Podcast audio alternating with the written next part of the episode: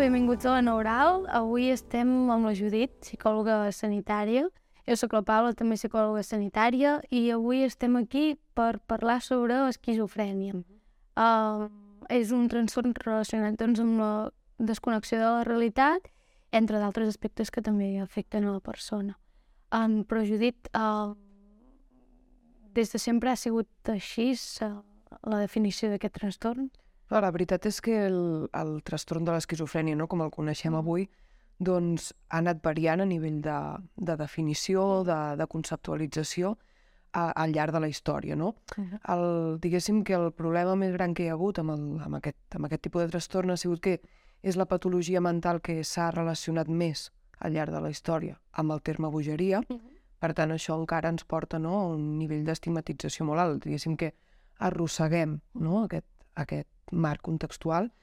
Um, clar, en el seu moment no era això, l'esquizofrènia relacionada directament amb la bogeria, i va arribar un moment en què un, un psiquiatre alemany anomenat Emil Kreplin uh -huh. uh, bueno, la va començar a definir com a demència precoç. No? Si ho pensem, realment té una explicació. En, en, com ja saps, no? en tota demència hi ha una, diguéssim, un, una pèrdua significativa de les capacitats cognitives de la persona, uh -huh i en el cas de l'esquizofrènia, no, en certs aspectes també.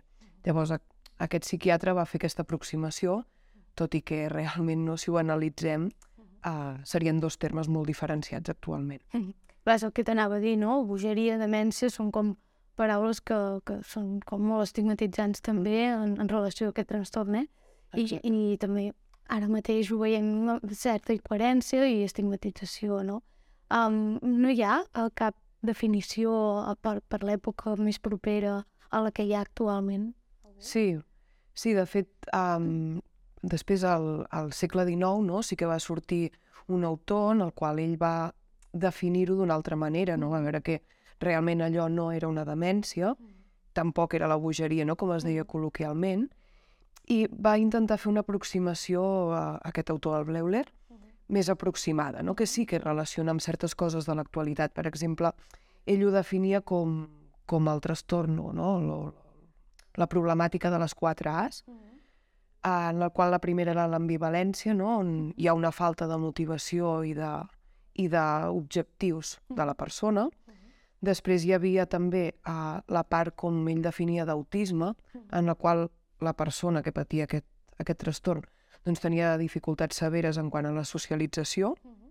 Després també deia que hi havia uh, una característica d'efecte de, pla, en el sentit de que hi havia una dificultat per expressar les emocions i segons com inclús de sentir-les, uh -huh. i finalment una dificultat per associar les idees, que seria el que actualment uh, denominem pensament desorganitzat. Uh -huh. Molt interessant això que, que expliques. Um, com ho traduiríem ara amb el, diguem, amb els símptomes no? que, que es coneixen actualment? Clar, actualment els psiquiatres i els psicòlegs en regim pel, pel DSM-5, que mm. aquesta edició, no? un, manual, un manual diagnòstic. Mm. Uh, llavors, uh, en, el, en el trastorn d'esquizofrènia, no? apareixen característiques tals com el, els deliris, no? que són idees uh, sobrevalorades de, de, amb aspectes de no contacte amb la realitat, mm. vale? les, les al·lucinacions, sobretot, i cal incidir aquí, eh?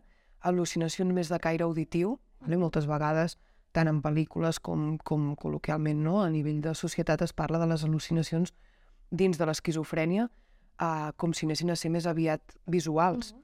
Uh -huh. Però en aquest cas són més pseudo-al·lucinacions i són més de caire auditiu. Vale? Quan, quan trobem més aviat una...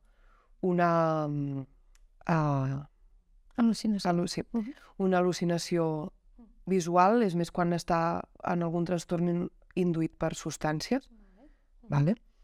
sota els efectes d'alguna substància. Llavors, això, no? les al·lucinacions sobretot auditives, després tindríem el discurs i el pensament desorganitzat, mm -hmm. i uh, símptomes que poden ser negatius o positius, generalment més negatius, no? en quant a, a tot el que seria efectivitat no tan reactiva, sinó que es porta més per sota, no? Uh, I inclús a vegades uh, un estat catatònic en el que la persona no té sèries dificultats doncs, per respondre, per, per poder actuar, per poder desenvolupar la seva actitud d'una manera més adequada. I perquè ens entenguin també els de casa, quan, quant de temps ha de passar per poder fer un diagnòstic com, com el d'esquizofrènia? Clar, aquí es busca molt la prudència a l'hora de fer el diagnòstic, no? Perquè, com hem dit, és un trastorn que té molt d'estigma associat i, clar, tu imagina't el que seria, no?, fer un diagnòstic erroni i portés l'etiqueta d'esquizofrènia, o sigui, això està realment molt estigmatitzat. Llavors, en aquest cas el que s'intenta fer és, bueno, s'intenta no, el manual diagnòstic no ens dicta que almenys han de passar sis mesos en què perdurin una sèrie de criteris i símptomes en període en el qual no es pot realment avaluar la persona i veure si realment aquell símptoma és una cosa més momentània o passatgera o si realment es queda no? en, la persona. També entenc que el vincle amb el professional um, potser és complicat o, o, o no? O, o com, com ho veus? Clar, a l'hora de realitzar el vincle, no? el vincle terapèutic mm. amb la persona, clar, també jo suposo que és molt, no? A, depèn de l'etapa en la que estigui la persona. Depèn de, de en quina etapa estigui, en quin moment estigui de, de la patologia, mm -hmm. haurem de tindre en compte unes característiques unes altres. Tot i així, um, a l'hora de fer el vincle, jo crec que no és tant el problema, uh -huh. on apareix més el problema sovint, no?, i que ens hi trobem és quan uh, dins de la patologia hi ha un brot psicòtic, per tant hi ha una exageració de tota aquesta simptomatologia, no?, uh -huh. uh, que acaba sent doncs, molt deteriorant per la persona, que a més a més aquí sí que limita molt fortament les, la, el seu dia a dia, uh -huh. i veiem que inclús a vegades no, la seva vida pot estar en perill. En aquest moment el professional ha de decidir moltes vegades un ingrés involuntari una unitat especialitzada. Clar, aquí sí que hi pot haver un trencament d'aquest vincle, uh -huh. o si més no, dificultar-ne no, la, la, la confiança després després d'aquest ingrés. Però també és veritat que moltes vegades, no, la majoria dels casos, un cop es fa l'ingrés i la persona, no, eh, diguéssim que baixa d'aquest estat tan tan intens, després la persona pot racionalitzar i pot entendre que aquest ingrés es va fer pel, pel, pel seu propi benefici per, per, per potenciar el tractament.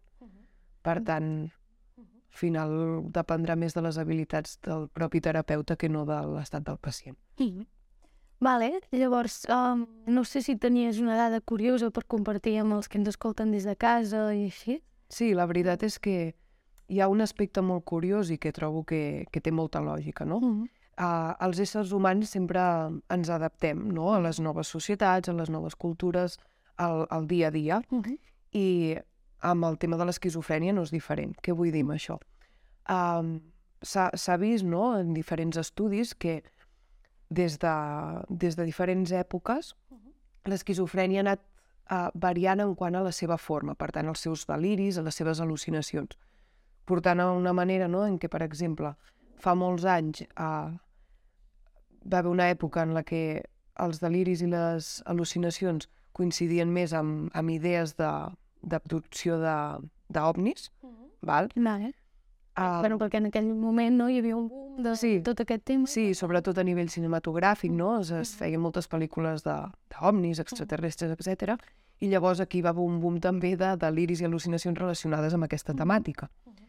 Després, a, a, més endavant va anar variant, no? segons les necessitats de cada societat, i, per exemple, actualment no, ens podem trobar eh, diferents deliris de temàtica de que la persona pot creure mm. que està tinguent una relació sexoafectiva amb un influencer o amb un, amb un famós, no? un actor de pel·lícula. Bueno, perquè és el que ara també no, més present està. Exacte. Sí, llavors no, és curiós veure com, com s'adapta, igual que també es pot adaptar més a, amb l'estil de vida de la persona. No? Potser una persona que ha viscut tota la vida a una ciutat tindrà un tipus de d'al·lucinacions o deliris més concrets, no? Més adaptat al seu entorn. No? Exacte. Uh -huh. I, al revés. Uh -huh. Per tant, suposo que també a nivell cultural i així, no? Depèn del país i... Uh -huh. vale. Igual que també s'han, no? Hi ha alguns estudis que també han concretat de que el tipus de deliri i al·lucinació dels homes pot ser diferent al de les dones, -huh. no? també per l'educació que han rebut des de petits i -huh. tot el desenvolupament que han anat tinguent. Per tant, també hi ha un viatge de gènere, no? Exacte. En aquest sentit. Exacte. Uh -huh. Molt interessant. Sí. No? Um, llavors, alguna recomanació um, que, que pels de casa, no?, que puguin veure, no sé, una pel·lícula, un llibre, un... Sí, mira, hi ha una pel·lícula bastant famosa Mm. que, que penso que molts dels que ens estiguin veient no, segurament l'hauran vista, però bueno, no queda de més comentar-la. És la pel·lícula d'Una mente meravillosa, Vale. vale? I és, jo crec que és una pel·lícula que està molt bé. Sí que és veritat que passa, no?, el que et deia una mica de que poder en certs aspectes es, es concentra molt l'esquizofrènia en el que seria la, la, la idea més de tindre una al·lucinació visual, Vale. que no poder no seria tan realista, no?, com és eh, real. Però, bueno, tot i així sí que podem veure, no?, tota la sintomatologia Mm. que hem comentat, Mm.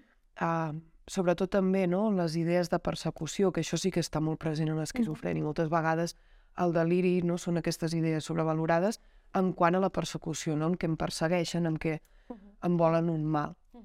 En aquest sentit, a la pel·lícula es veu, i a més a més també m'agrada destacar no? que això és un, un apunt que, que molts psicòlegs comenten, i és el de que, clar, si, si ho pensem no? a nivell de lògica, a vegades tindre un coeficient intel·lectual més aviat alt, Mhm.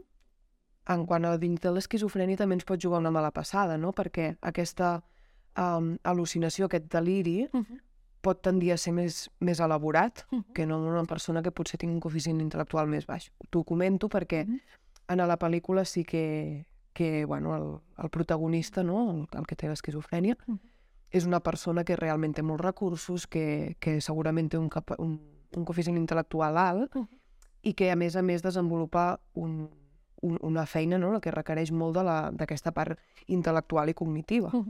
Per tant, es veu no? com clarament eh, això li afecta o li juga en contra a l'hora de viure la seva esquizofrènia. Perquè realment tota aquesta ideació i tot aquest desenvolupament és molt més complexa que potser el d'altres persones. Doncs gràcies, Judit, per, per, per explicar-nos uh, de què va aquesta pel·lícula, no? perquè segurament això doncs, uh, farà que els que no l'han vist des de casa apropar-se més cap a aquest trastorn, um, que, que en realitat doncs, uh, és molt tabú, és, hi ha molt estigma i per tant bé, el nostre objectiu amb aquesta conversa era apropar no? uh, l'esquizofrènia als de casa. No? Um, I res, doncs, Judit, moltes gràcies per, per participar, per, per tota la informació que ens has donat i, i moltes gràcies també des de casa i ens veiem a la propera conversa.